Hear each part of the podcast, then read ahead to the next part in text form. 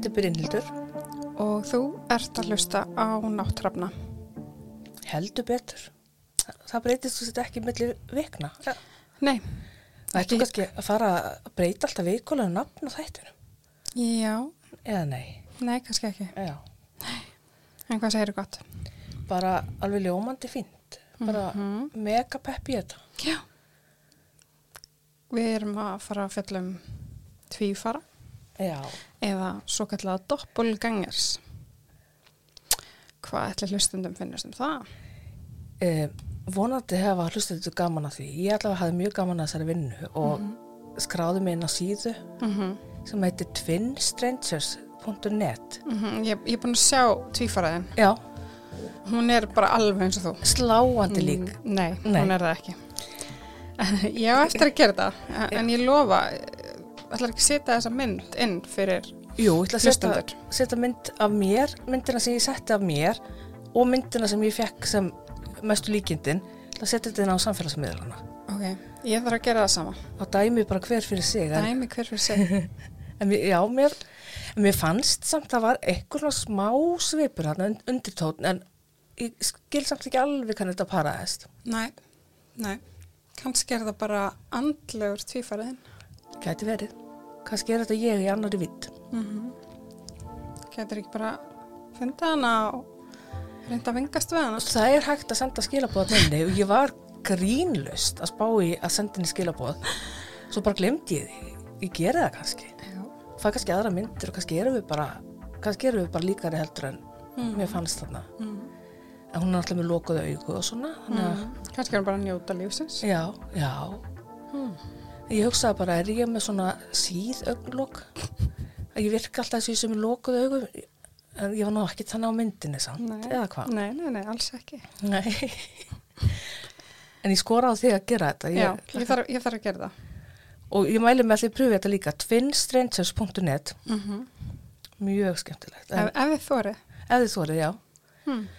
En segðu mér, Ella, hvað ert að horfa á þessa dagana? Sko, ég er að horfa á bíf. Eða ég er enda búið með bíf. Ertu búin? Hvað er það margir þættir? Held nýja tíu. Þeir eru geggar. Ég mæli heiklust með bíf fyrir alla. Þeir eru mjög góðir. Mjög vel skrifaðir og öðruvísi en flest allt sem er Netflix. Það er svo ótrúlega mikið af einhverju fjölda framleitu sétti sem er kemlíkt. Já. En bíf er ekki þannig. Svo er ég að horfa á Happy Valley á Rúf. Þryggja ger, þriði seríuna. Ok, Elskana, ég hef ekki tekkað á þeim. lauruglukonuna, geggjuleikona. Ok. Mjög feminískir. Og svo er ég að horfa á hérna Last of Us. Ég næ aldrei að bingja það sem ég er að horfa á með guðjani því að Já, það gerist ofur sjaldan að við náum að setja sniður tvö saman að horfa. það er nefnilega sama vandamáli mínu bæ. Við ætlum að horfa að lasta við saman, við erum búið með tvo þætti. Svo bara náum við ekki að vera í ykkur sjónastöði á sama tíma. Kannski að þegar maðurinn minn er aldrei í sjónastöði, það getur verið málið.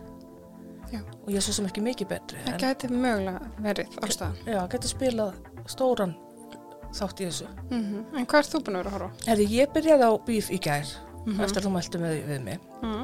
og lísti rosalega vel á. Ég búið með einn og halvan þátt. Já. Ég er bara þannig, ég get hort alltaf svo lítið í einu eftir ég fekk höfuðhöggið. Mm Og þá er ég bara í svona smáum skömmtum en vá hvað þetta bara Það er ekkit endilega verra, bara taka, taka einn, í, einn á dag eða einn í viku eða eitthvað. Ég góð í því. Segi ég sem horfði líka á hérna, þáttunum týpurina í gær og afturöldingu. Þannig að ég Já. horfði á þrjá og hálfa þátt í gær. Þannig að ég er að ljúa. Ég er í, í nánast betni útrættingu nema þetta er ekki beint. Ég horfði líka á afturöldingu, fyrsta þáttinn. Hann komi skemmtilega óvart með að við ég hef engan, nákvæmlega engan áhuga á íþróttum. Nei, Þannig að hérna, mér finnst þetta skemmtilegt. já, þetta er skemmtilegt konsept og Já. bara virkir áhugavert. Mm -hmm. Eru það bara svona góðar í handbólta, þessar leikonur? Örglega, Mér finnst þetta svo sannfærandi. það eru örglega bara mjög góður. Já, mér finnst þetta bara geggjað. Annars var ég reynda líka búin að vera að horfa með dóttu minni, þessari yngstu heimilinu, Já, á gamlar kvikmyndir. Þannig ég er að horfa bara á myndir bara sem að ég horfið á bara sem ung kona og var að horfa á There's Something About Mary. oh my god. það er ótrúlega gaman detti eitthvað svona gaman Hvernig eldist hún? svo það hún eldist vel fyrir mig allavega En er hún ekki svolítið ableist?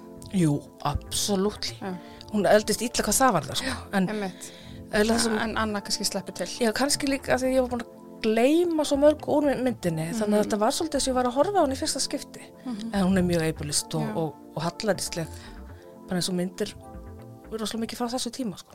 Og ég horfði á sér státfæri um daginn með krökkunum. ok Hún, já, bara eldist ágætlega, myndi ég segja. já, ég þarf að tjekka henni Já, ég elska Robin Williams, sko. já, En já, hvað segja, ég, ég, ég að byrja á þessu. ég var að vinda okkur í dag Þú ætlar að byrja. já, ég ætla að byrja Þú ætlar að byrja með, með léttu útgáfuna. já, ég ætla að taka hérna diet útgáfuna af doppelganger Ég er með sírópið. Já, þú ert með sírópið. Og ég ætla að byrja að segja eitthvað nokkra skemmtilega sögur af fólki sem rekst óvænt á tvífarana sína í hennu daglega lífi. Ok, gekkja. Fyrsta sagan sem ég er með er af þeim Neil Richardson og John Jamison. Byrjar vel. Hm. Neil flutti með eiginkonu sinni Marion í bæ sem heitir Braintree og er í Englandi. Hefur þú komið til Braintree? Nei, Nei. Um, ástæði fyrir flutningunum var svo að þau vildu vera nær dóttur þeirra á barnabörnum. Það sem þau tóku sérstaklega eftir þegar þau voru nýflutt í bæin var hver vinalegir allir voru sem þau hitt á förnum vegi. Þeim var tekið alveg afskaplega vel af íbúum bæjarins. Mjög gerðan var kastað á þau kveðju og Níl ávarpaði sem John. Hann gerði nú ekkert veður út af því og leiði því bara slæta, svona alltaf að byrja með. Eitt skipti sátu þau á kaffihúsi þegar maður gekk til þeirra og spurði Níl hvort hann væri ekki John Jameson. Nei, það er ég ekki, sagði Níl og notaði tækifæri og spurði hver teður John væri nú eiginlega. Hann fekk engin almennileg svör við því þarna þannig að þetta var þeim hjónum ennþá ráðgáta þessu stíi. Maðurinn sagði bara, never mind, ég sé það núna, þú lítur ekki alveg nákvæmlega út eins og hann. Eftir þetta áttu hjónin alveg vona því að ganga fram á tvífara Níls, en þegar það loks gerðist var það mjög óvænt. Níl og Marjón skráðu sér ferð til London til að fara á eitt af söpnum borgarinnar. Þegar þau settust inn í rútuna til að leggja í hann, var Níl heilsað sem John. Níl hugsaði með sér að nú væri þetta gerast enn eina ferðina, en heyrði þá sagt, Halló herra Jameson, það var þá sem hann átti að á því að það var ekki verið að tala við hann, heldur eldri mann sem hefði gengið inn í rútuna. Níl spurði mannin hvort hann var í John Jameson og maðurinn játaði því og spurði hvað hann hefði nú eiginlega gert af sér þetta skiptið. Og þessi maður, hann John, var kvítarður, skeggjaður og með glerugu, alveg eins og Níl. Það var svo ekki fyrir en þau voru komin á leiðarenda og út úr rútunni sem mennirnir áttuðu sig á hver líkir þeir voru í raun og veru. Og það átti ekki bara við útlitið, heldur áttu þeir margt annað sameiginlegt. Þeir voru báði mentaði kennarar og höfðu útskrifast frá sama skóla í Chelsea. Höfðu verið með sömu kennarana þar og farið í sömu kursana. ok, magna. Já, þetta, þetta er svolítið creepy sko. Yes, ná, Já, allavega útrúlega tilviljun. meira, það sem ég ætla að segja, meira svona fríki. Já.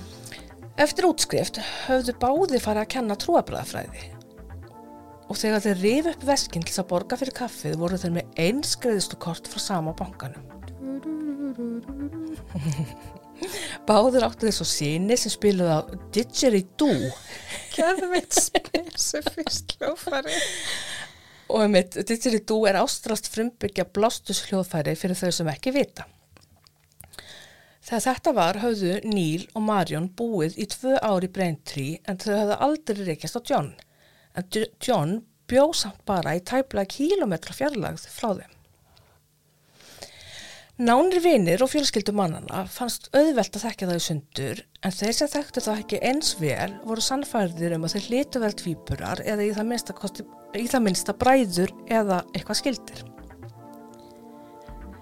Neil og John var búið að taka þátt í keppni millir sjö sett af tvífurum um hverju þeirra væru líkastir og það var metið alveg hávísindarlegan hátt og unnu þeir félagarnir þar sem útkoman var svo að andlitstrætti þeirra voru 90% líkir sem er eins og hjóð einækja tvíburum. Þeir fóru svo í DNA rannsóknir sem síndu fram á að þeir voru ekki skildir en bakgrunnur forfæðura þeirra mattsaði. Þeir voru sest, komnir af, af Mm. svipuðum forfæðurum. Hvað sem það þýðir?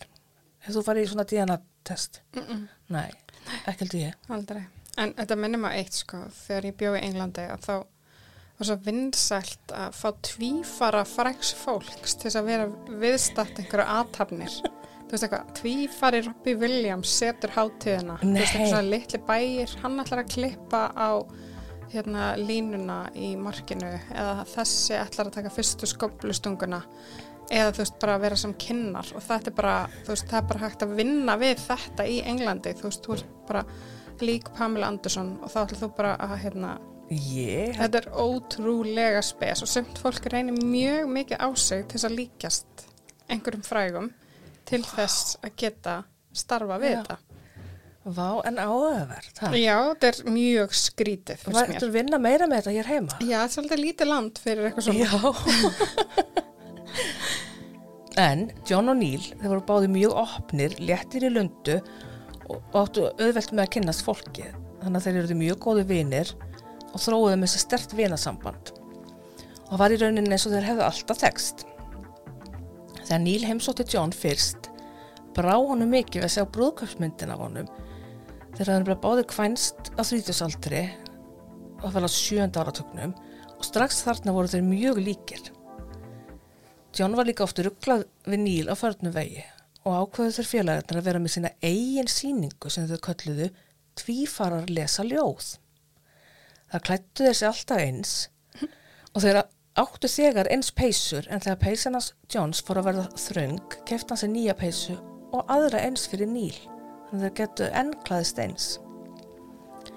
Og það var ekki nóg með að þeir varu yrðu svona góði vinir heldur eru konurna þeirra einnig mjög góðar vinkonur og eru pörin mikið saman í frítímanum. En þetta er ekki eina sagan sem ég ætla að segja ykkur því ég er hérna með tværi viðbót. Næsta saga er líka um mann sem heitir Neil eða Neil Thomas Douglas skoti sem var að ferðast frá Glasgow til Stansted með flugi. Þegar hann fann lokk sæti sitt í flugvelinni satt þar maður. Þegar maðurinn leit upp sá Níl að hann var ansir reynd líkur honum sjálfum, með sama hárulit og eins skegg og hann. Þeir hlóaði þessu og raun allir í kring því það var svo mikið líkiti með þeim. Níl tók selfie með manninum í flugvelinni og töldu þeir að þar með var í kynnum þeirra lokið. En nei, þegar þeir komu á hótelið, eða þess þegar Níl kom á hótelið þá komst hann að því að tvífaran hans var tjekkarinn á sama hótel og þegar Níl fór á barinu um kvöldið satt tvífaran hans þar og hérna sötraði bjór þannig að þeir ákvaði að fá sér bjór saman og taka gott spjall. Og ég ætla að setja mynd af þeim inn á samfélagsmiðlan okkar og líka af Níl og John. Já, ég hlagt til að sjá þessa, þessa félaga. þá getið þið séð hérna hvað ykkur finnst. Mm En svo er ég að lokum með eina tvífarasögu af konum sem hittust fyrir löngu síðan en það voru enga myndi teknum til sönnunar. En það var vitni að þessum hitting svo ég ætla að leifa þessari sögu að flakka með. Þetta er sagan af Elisabeth Kahn og Meredith. Börn þeirra Elisabeth og Meredith leku sér stundu saman en voru ekki saman í skóla þannig að mæðurnar höfðu aldrei hitt hvora aðra. Einn daginn ringdi vinkonana Elisabeth í hana. Vinkonana heiti Sjópa. Þetta er svo Sjópa. Sjópa, Sjópa, Sjópa, sjópa. Sjópa. Já, ringdi sérst Sjópa kunningjakona Elisabeth hana og sagðist að séð hana í St. Thomas skólanum fyrir um daginn. Eh, en hún tók fram að Elisabeth hefði ekki tekið eftir sér. Hún spurði Elisabeth hvort hún væri að spája skrá dóttu sína í þann skóla. Elisabeth var alveg gapati hissa því hún hafði ekkert verið í þessum skóla og hafði raun aldrei stíði fætið ángað inn. Sjópa sagði að Maribel sem var sammeili vinkona þeirra hefði líka verið í skólanum þennan dag og hefði séð Elisabeth fyrir utan skólan. Hún hefði veifað til hennar en ekki fengið hennar viðbröð. Hún sagði að Maribel hefði séð hann að fara inn í bíl með kynversko manni og það var velta fyrir sig hvað maður þetta væri eiginlega.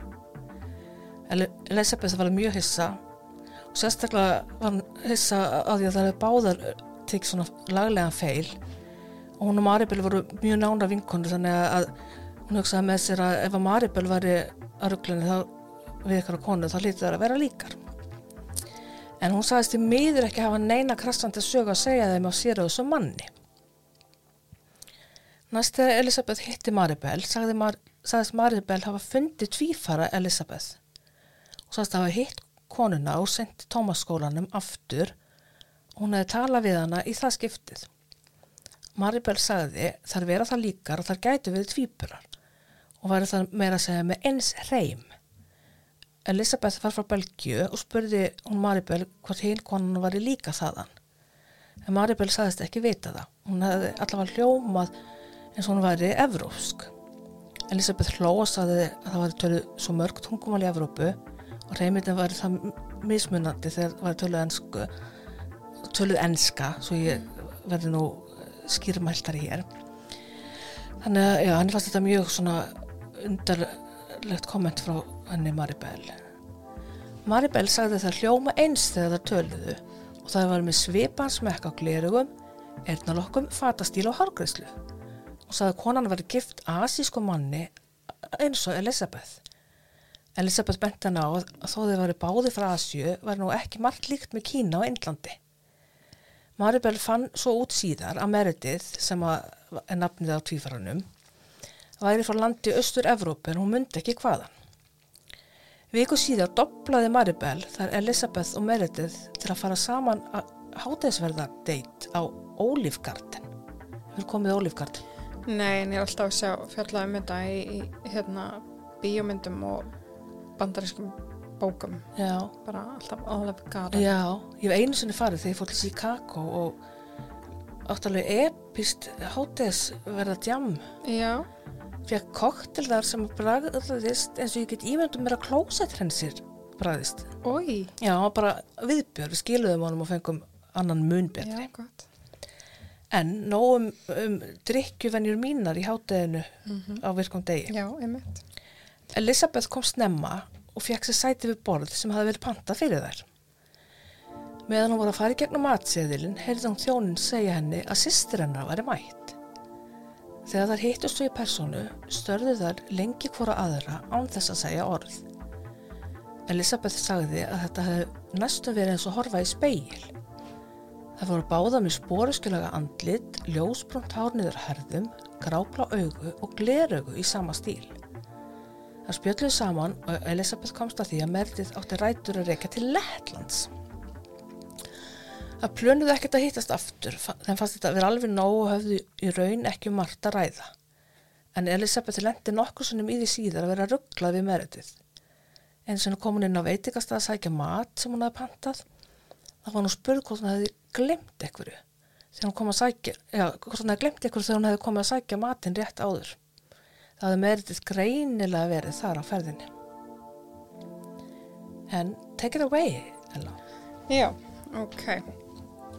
Ég ætla að fjalla um öllu myrkari mál og svona þjóðfræðina í kringum tvífara og hitta svona verur.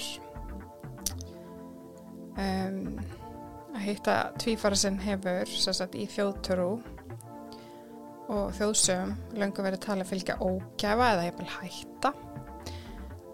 Og tvífarar hafa í þjóðsögulegum skilningi verið áleitnir jafnvel illar verur sem vilja þeim sem þau líkjast ekkert gott. Nýlega rannsóknir hafa þú sínt fram á það að það er ekkit hættulegt við að hitta tvífarsinn, það er einfallega bara skrítið eða jafnvel hefur læknisfræðilegar ástæður. En köfum samt ofan í þessar hugmyndir fólk sem óhugnaðin sem fylgir því að hitta tvífarsinn. Í þýskri þjóðfræði er tvífari byrtingamind mannesku en ekki draugur. Hér erum við ekki að tala um mannesku sem þú ser vinn á kaffúsu og hún líkist þér merkilega mikið. Við erum að tala um einhvers konar verur sem byrtast í þínu líki eða þeirra sem þú þekkir en eru það ekki. Að hitta tvífarsinn sangat gamalli þjóðtrú á að vera slæmur fyrirbori bóðberi andlás þíns ef þú sér þess að veru í þínu líki. Að sjá tvífara einhver sem að þekkir á að vera bóðberi um andlát þeirra mannesku, veikinda hennar eða einhverja ófara í hennar lífi. Tvífarar eru einnig kallaðir illir tvífurar, tvíburar og reyna vist stundum að gefa þeirri mannesku sem þeir líkjast ráð. Ráðin eru þó oft mjög illgjörn og koma manneskinni sem fer eftir þeim mjög illa. Þeir eiga líka að reyna að koma vondum hugsunum í höfuðið á fólki og í þjóðsögum er fólki ráðalagt að vera ekki í neinum samskiptum við þessa verur. Og það eru til þó nokkra frægar sögur af þekktu fólki úr sögunni sem á að hafa séð tvífarsinn rétt fyrir andlatið.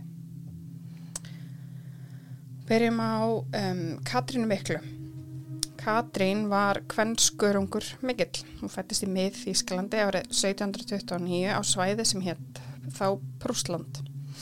Hún var prinsessa en fjölskylda hennar var orðin fátæk og hafði mistu völd og átti allt sitt undir tengslum við aðrar valda fjölskyldur og var því þar leiðandi látin trúlóast Pétri þriðja.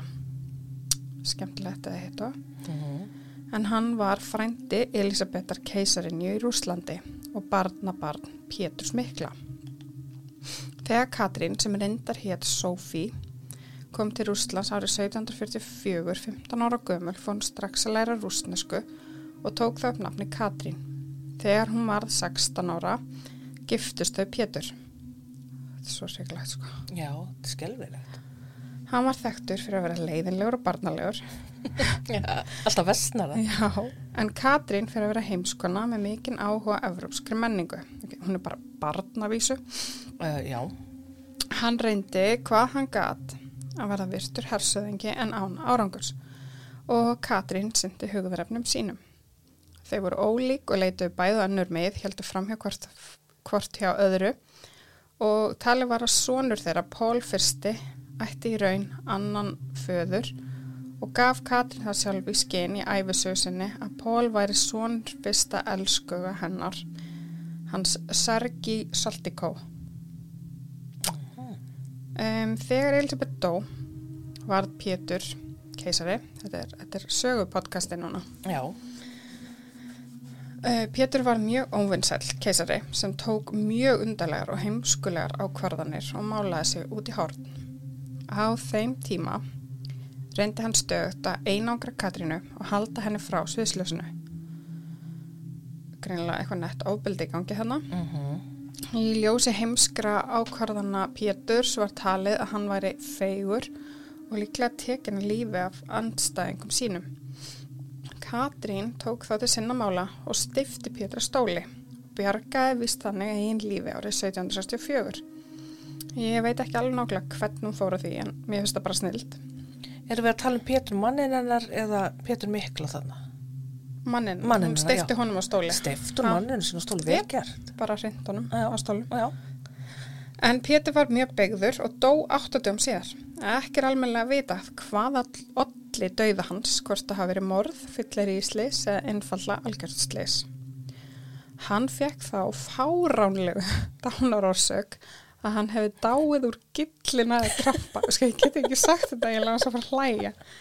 Veist, gillin æðar krampa sem augljóslega er ekki til. Nei. Kannski blætt honum bara út, Já. hver veit, þarna niðri. Gillin eða krampi. Ég ætla að fara að Nei. nota þetta. Ég segi ekki meir. En mörgum árum síðar lág hún í rúminu, hún Katrín. Hún var lasinn og áekki full þegar þjónar hennar sögust að séð hana inn í herberginu þar sem hásætið var staðsett. Hún fór fram til að aðtöfa málið og fann tvífara sinn sitta salli rólegan í hásætinu. Ok.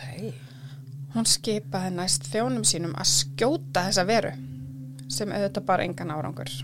Og Katrín dó skömmu síðar úr heila blóðfalli árið 1796. Hún var 67 ára. Vá. Þetta er mjög skrítið. Já. Og svo er það hann Percy Bush uh, Shelley kann ekki að bera fram millinamni hans. Hann er fættur árið 1792 og er líklega frægastu fyrir að vera eiginmaðurinn hennar Mary Shelley. Hún skrifaði söguna um Frankenstein fyrir ykkur sem ekki vitið en augljóslega eigið að vita. Ok, nú veit ég það. Var í, hann var í töndur skáld þekktu fyrir rótækaskoðanir sínar sem hömluði fræð hans. Útgeðandi hrættist að gefa út verk hans því hann var trúlesingi og vildi alls ekki fá, sig, fá á sig kæru eða dóm um guðlast. Skrýtnir tímar. Árið 1822 fór Herra Selli í bátsverð. Stuttu fyrir ferðina segir hann Mari konusinni að hann hafi oft í gegnum líf sitt sér tvífara sinn. Sérstaklega þegar veikindi voru fjölskyldinni. Eitt versta atvikið var árið 1814 þegar Mary lest næstum því þegar hún misti fóstur. Hann fekk þá martru um nóttina þess efnis að hús þeirra skolaðist burt í flóði. Dæin eftir var hann á göngu að hugsa um martruðina þegar hann hittir tvífara sinn. Tvífarin kemur auð á selji og spyr hann spurningarinnar hversu lengi ætlar þú að vera gladur? Sem er mjög creepy spurning. Uh, já, Það kemur kannski engum á óvart að hann lést í tjöðri bátsferð og báturinn hann sökk í óveðri. Abraham Lincoln sá í slíka tvífara sinn einhverjum árum áður en hann var tekin af lífi árið 1865.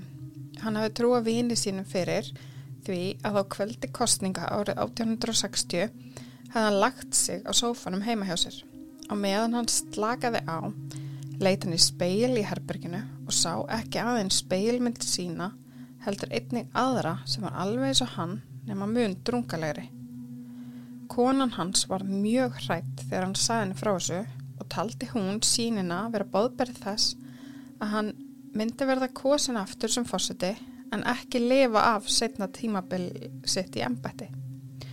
Borgarastriði geisa enn á þessum tíma Andstæðingar Lincolns voru brjálaðir út í hann fyrir að vilja leggja þrælahald af og leifa kostningaþáttöku afrísk-amerískar karlmanna. Lincoln var svo ráðin að dögum árið 1864 af John Wilkes og Mari kona hans hafði það haft rétt fyrir sér. Og það var hún Elisabeth I, nafna mín, Breitlandsdrottning. Hún sagði... Koll, kollegiðin líka. Kol, kollegi minn, Já, nafna og kollegi. segðu. Hún sagði ráðgjöfum sínum að hún hefði séð tvífara sem liggja í rúmu sínu. Tvífarin var fölur, reyfingalös og döflegur. Hún hrættist þessa sín svo mjög og taldi hann að mjög slæma fyr, slæman fyrirbóða. Stutti síðar var drottningin mjög veik og lést nokkrum dögum síðar árið 1603. Má maður bara ekki sjá eitthvað sem að, Nei, þú mátt ekki sjá, þú verður bara að loka augunum þegar þú hittir argunni. já, herðu, Nei, tjók. það er ekki út seldin að vera tvíberi, sko. En svo er það skaldauðri höfundurinn Jóhann Wolfgang von Goethe. Hann átti líka af að sé tvífara sinn, en hann var ekki báð byrja dauða, sem er svolítið áhugavert og skemmtilegt. Hann var ferðalagi í Fraklandi og eftir að hafa lagt á stað hesti sínum sá hann manna hestbæki sem kom úr gagstæðri átt. Hann brá í brúm þegar hann sá að þetta var engin annar en hans sjálfur, klættur í gráan og gildan fatnað sem hann kannaðist alls ekki við.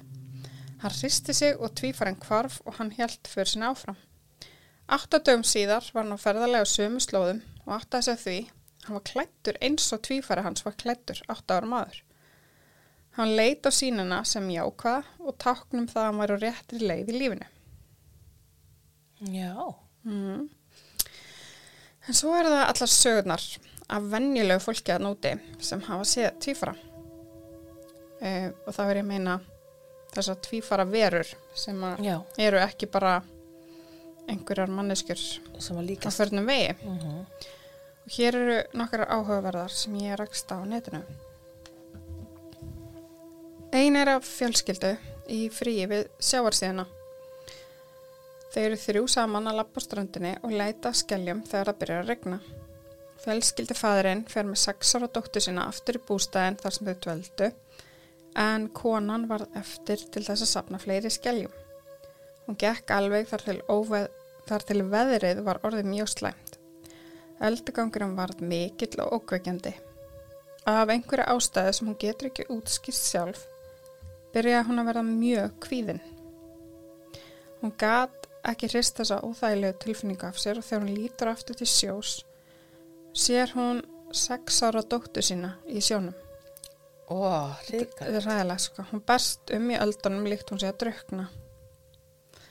En á sama tíma viss hún vel að dóttur hennar var örug í bústanum með pappa sínum og hreinlega gæti ekki verið í sjónum. En hún var samt þarna í sjónum fyrir framann hann að drukna.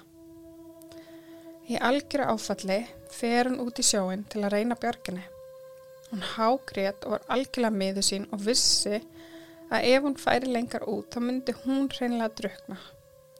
En samt hjælt hann áfram þrátt fyrir að vita að þetta væri ekki raunverulega dóttir hennar þarna að deyja fyrir framann hana. Henni fannst eins og það væri einfallega eitthvað að reyna að lokka hana út í sjóin og döðan. Úff. Sem ekki mindfuck. Já, Maður getur henni ekki annað já, nákvæmlega. fara úti. Ég farið við hrótt. Hún þurfti að taka öllu sínu til að berjast gegn móður eðlinu og þörfinni til að björginni. Hún smám saman náðan áttum og komst að landi og hljóp í skjól til fjölskyldu sinnar. Hún var grátandi og í miklu uppnámi þegar hún mætti dóttu sinni í andri húsins þar sem þið döldu og það var auðvitað mikill léttir. Hún telur enn í dag að þessi tvífari hafi reynd að drepa hana. Vá. Hér er önnur góð sem ég ætla bara að lesa upp í fyrstu personu. Pappi minn var greindur með krabba minn og mamma sá um hann heima. Það var regning þannan laugadag og ég þurfti að drífa mig ekkert út til að fá pásu. Ég fór í bókabúðina og var að skoða bækur þegar ég heyri kvennrödd við afgriðslkassan. Hann var að byggja afgriðslumannin um aðstofi að velja bók. Ég er að leita bók fyrir vinkonu mína, sagði hún. Pappinar var að deyja og mér langaði til að gefa henni eitthvað. Ég fann að ég svitnaði köldum svita. Ég þekkti þessa rödd. Þegar ég snýri mig við, sá ég að manneskjan var ég. Hár hennar var nákvæmlega eins og mitt. Hún var há og eins vaksin og í nákvæmlega eins fötum. Hún var alveg eins og ég. Ég tók andköf og snýri mig við. Ég var hrættum að tvífarinn sæði mig. Ég heyrði hann að kaupa bókina og svo fór hann út. Þegar ég náði mig niður, dreif ég mig út úr bókabúðinni og fór beinustilega heim. Þegar ég kom þangað var mamma, var mamma grátandi. Hún sagði mér að pappi hefði dáið fyrir nokkru mínútu. Nei, vá. Þetta er svo skrítið. Þetta er klikk. Þetta er ótrúlega skrítið. En svo er það sagan af unga manninum í Sviss. Hann hafði sérst hægt að taka flogaveikisleifin sín og einn morgunin þegar hann átt að mæta til vinnu ákvæði hann að sleppa í frekar og liggja í rúminu og drekka bjór. Ég mitt Bara eins og maður gerir. bara basic. Hann hefði betur sleppt því þegar hann stóð upp svimaði hann mjög og sá sjálfan sig liggja í rúminu. Ég lendi alltaf þessu þegar ég ákvaða að mæti ekki vinnu og leggja upp í rúm og trekka bjór. Já, einmitt, Það fæ ég svona svemakost. geggja skrítið, Já. mjög skrítið. Uh, hann vissi að þessi manneskja væri ekki hann og væri alls ekki tilbúin að standa upp og þannig myndi veran í rúminu komið í vekk fyrir að hann mætti í vinnuna. Maðurinn var reyður og öskraði á tvífara sinn, hristi hann til og hoppaði ofan á honum án árangurs. Hann fekk einhvers konar ofskinjanir og færðist að milli líkama. Wow. Eina stundina lá hann í rúminu og hina var hann gerandin að hrista til. Hann varð hrættur. Hvað var eiginlega í gangi? Hver var hann? Var hann liggjandi eða standandi? Á endanum var þetta mikið fyrir hann hann hoppaði út um glugga íbúðarinnar. Wow. Dramatist. Sem betur fyrir lifðan af. Hann stökk á fjórðu hæð en lenda á runna sem dempaði falli. Læknirinn hans sem er einhver uh, frægur uh, gaur, Pítur Brugger, hann er frægur fyrir að finna vísindalegar ástæður fyrir yfirnáttúrulegum hlutum. Ok. Hann segir að sjúklingurinn hafi til dæmis alls ekki vilja steyta sér aldur, heldur snýrist þetta meira um að vilja finna samræmi á milli líkamanns og sjálfsins. Eftir að hann jafnaði sig að sárum sínum fór sig skurðagerð þar sem stórt eksli var fjarlægt á höfðu hans.